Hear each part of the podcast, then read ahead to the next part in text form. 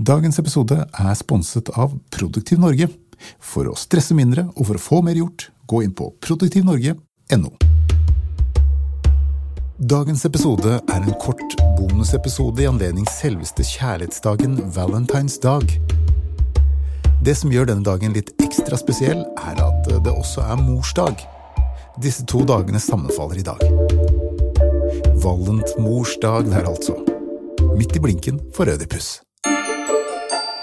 Dette er Forenkle, podkasten hvor du kan følge meg, Ove Kenneth Nilsen, når jeg leter høyt og lavt etter de beste hverdagsforenklingene. Hvis jeg hadde hatt en tryllestav og kunne forenklet hva som helst, så er det ingen tvil om at jeg ville ha svingt den i retning av kjærlighet og sex og alt det som har med det å gjøre, for her ligger det mye drama og kompleksitet og forviklinger som gjerne kunne hatt godt av en liten forenkling. Dette er en, ja, la oss kalle det en teaser på en egen episode om kjærlighet som kommer etter hvert. Dette temaet er både så viktig og komplisert at det kanskje krever en miniserie, men her kommer altså en smakebit. I Roma feiret de i gamle dager fruktbarhetens og ekteskapets gudinne Juno den 14. februar. I 469 så rebrandet paven dagen fra junodagen til Sankt Valentinsdag for å avskaffe denne hedenske tradisjonen. Og nå i de siste årene har altså denne kjærlighetens dag også kommet hit til Norge. Sankt Valentin var en kar som ble henrettet fordi han nektet å gi opp kristendommen. Og ifølge lengden så Og ifølge legenden Freudian slip der, altså. Uh, ifølge legenden skrev han som et siste ønske et brev til kjæresten som han signerte Din Valentin. Han rakk neppe å dra på noe date eller kjøpe noe hjerteformet konfekt før han tok kvelden, så alt det der har nok blitt lagt til i senere tid. Det er mange måter å finne kjærligheten på.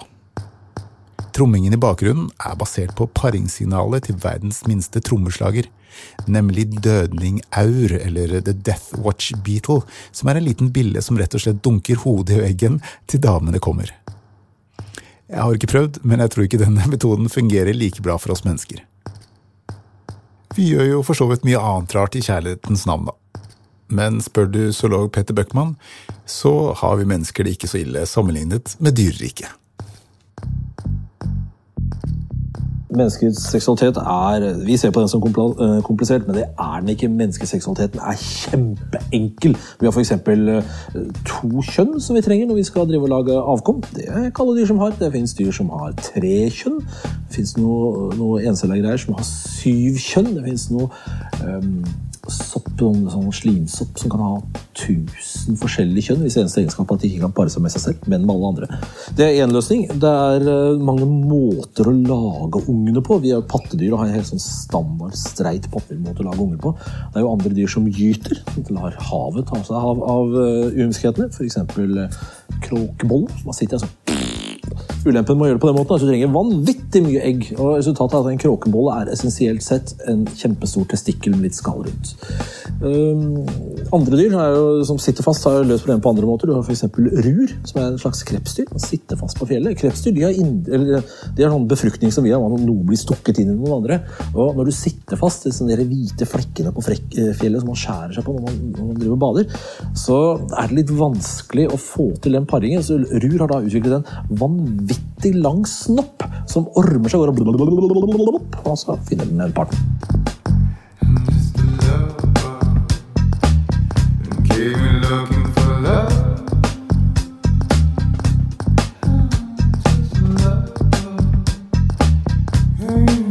Det finnes vel ingen elegant overgang fra å snakke om vanvittig lange snopper til å snakke om morsdag på, så jeg bare begynner å snakke om morsdag.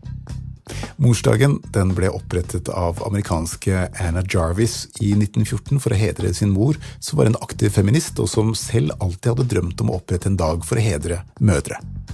Anna Jarvis ønsket i utgangspunktet at dagen skulle være forenklet, og røk i tottene på de kommersielle kreftene som etter hvert begynte å utnytte dette konseptet. Morsdag er jo egentlig ganske enkelt. Gjør litt ekstra stas på en mor i ditt liv, din mor, mor til dine barn eller hvilken som helst annen mor. De fortjener det. Min kone Rosalind sjekker begge dagens bokser. Hun er min kjærlighet, mor til mine barn og kanskje den som forenkler mest av alt i mitt liv. Tusen takk, jenta mi. Jeg har dessverre ikke min egen mor med meg lenger, men jeg har skrevet en sang til henne, og vil gjerne sende ut en tanke til henne på en dag som dette.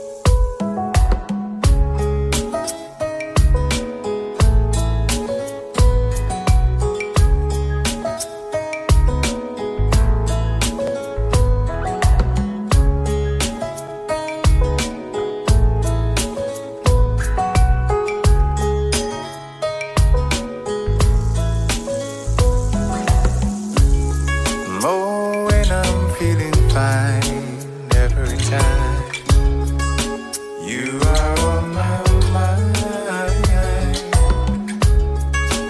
I know you're not far away. You promised not to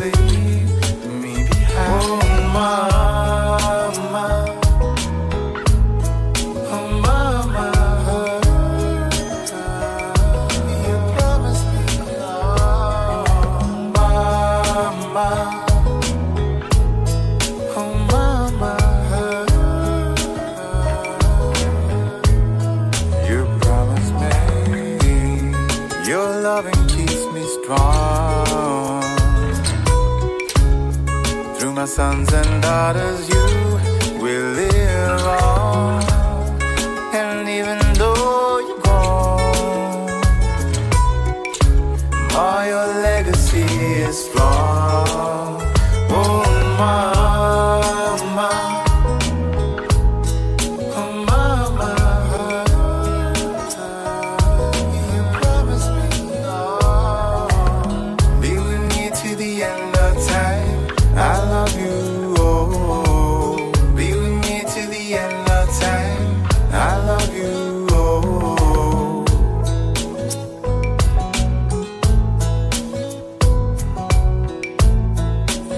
promise